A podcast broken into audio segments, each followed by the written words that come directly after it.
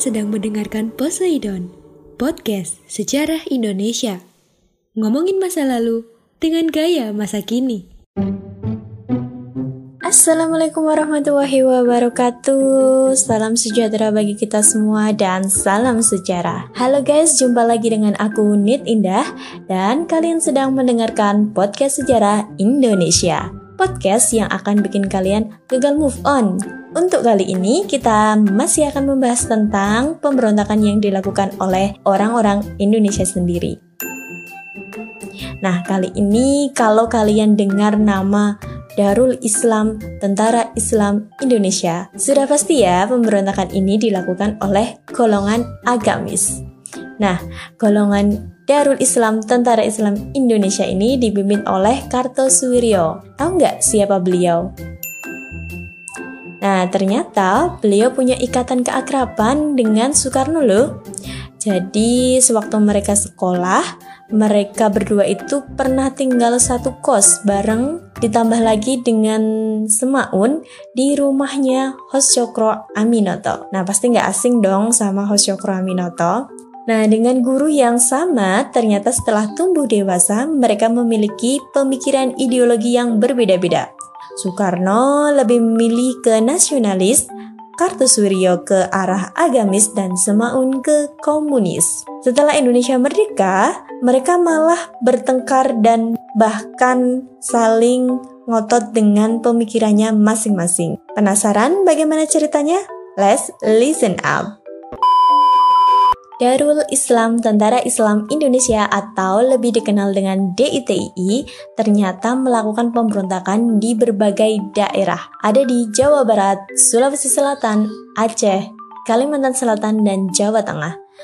Kali ini kita bahas yang di Jawa Barat dulu. Kalian masih ingat ketika ditandatanganinya perjanjian Renville, maka pasukan TNI yang sebelumnya di Jawa Barat dipindahkan ke Jawa Tengah.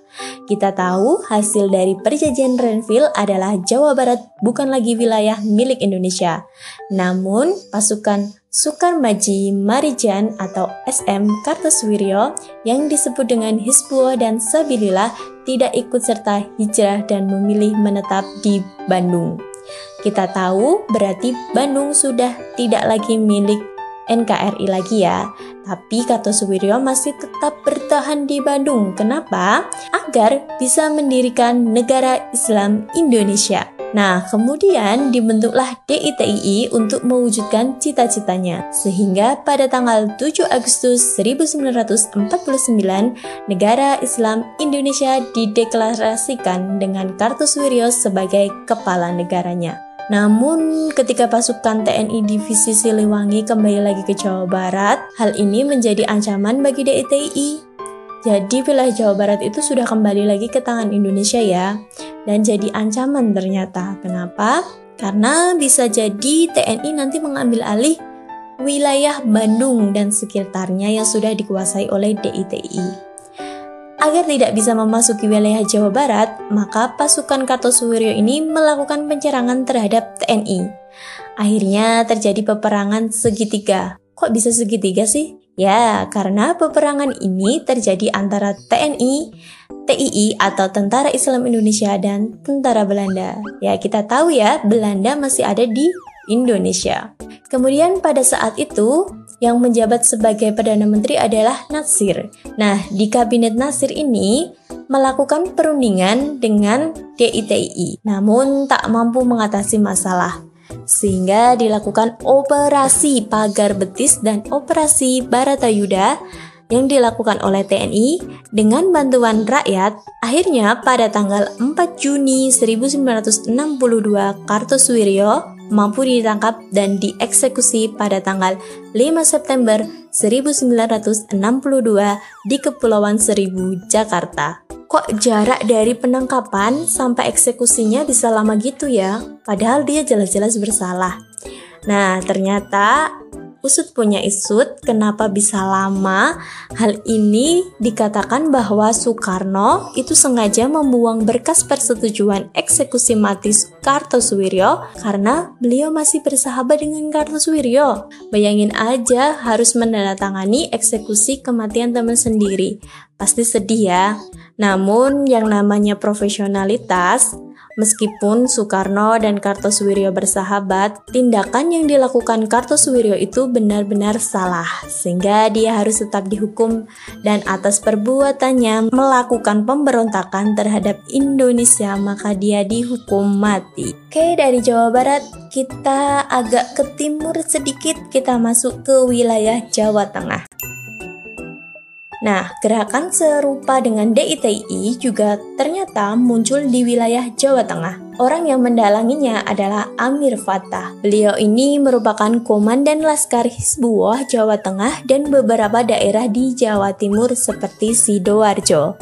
Kemudian Amir bergabung dengan TNI yang kemudian ia juga merekrut laskar-laskar rakyat untuk bergabung. Kemudian, laskar ini diberi nama Batalion 52. Nah, setelah dirasa cukup banyak pasukannya, pada Agustus 1949, Amir Fatah memproklamasikan berdirinya Negara Islam Indonesia, seperti yang dilakukan Kartosuwiryo. Gerakan TII juga berkembang di daerah Kebumen dengan pimpinannya adalah Muhammad Mahfud Abdurrahman. Nah, Amir Fatah ini merasa cukup lama untuk bisa ditaklukkan ya.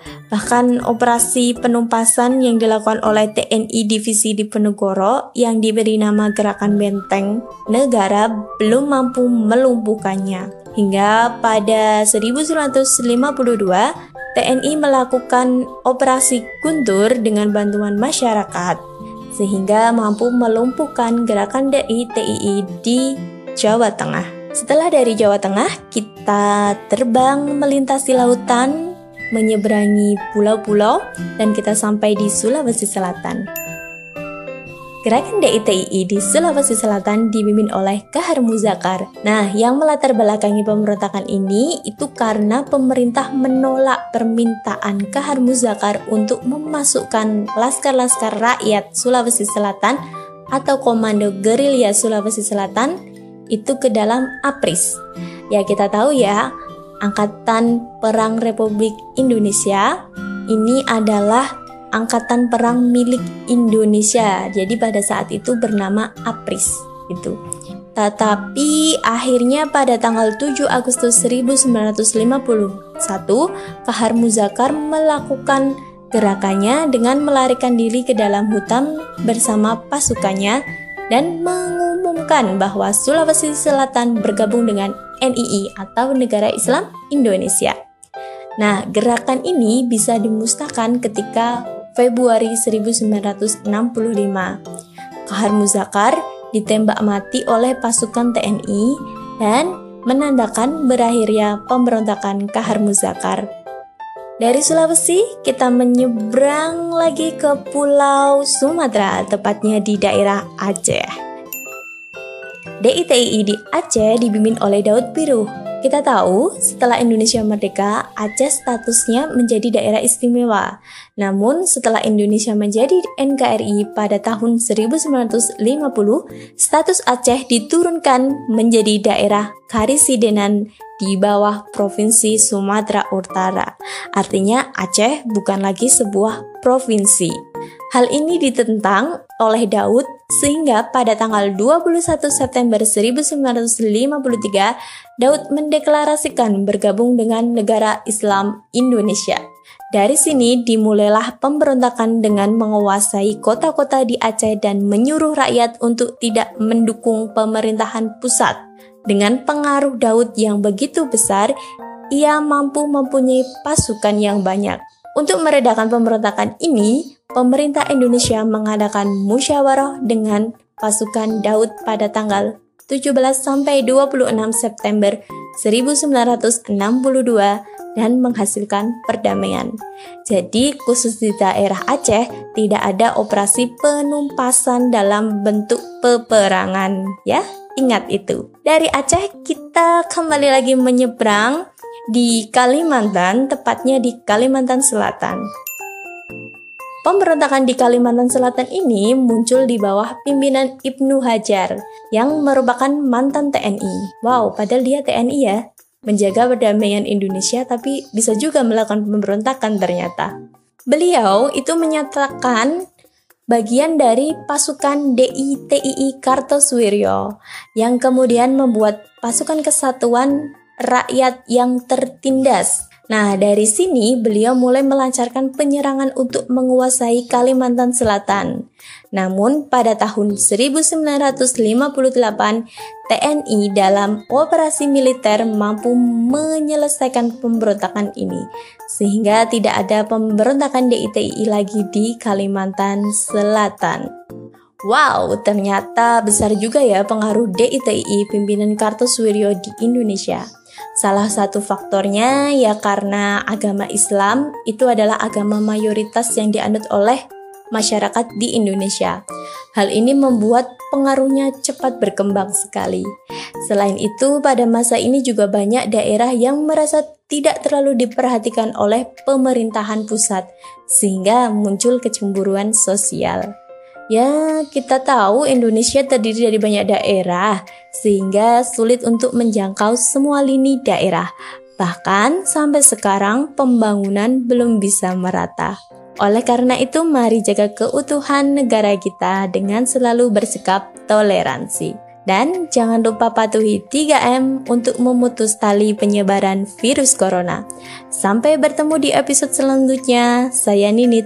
Bye-bye. Terima kasih.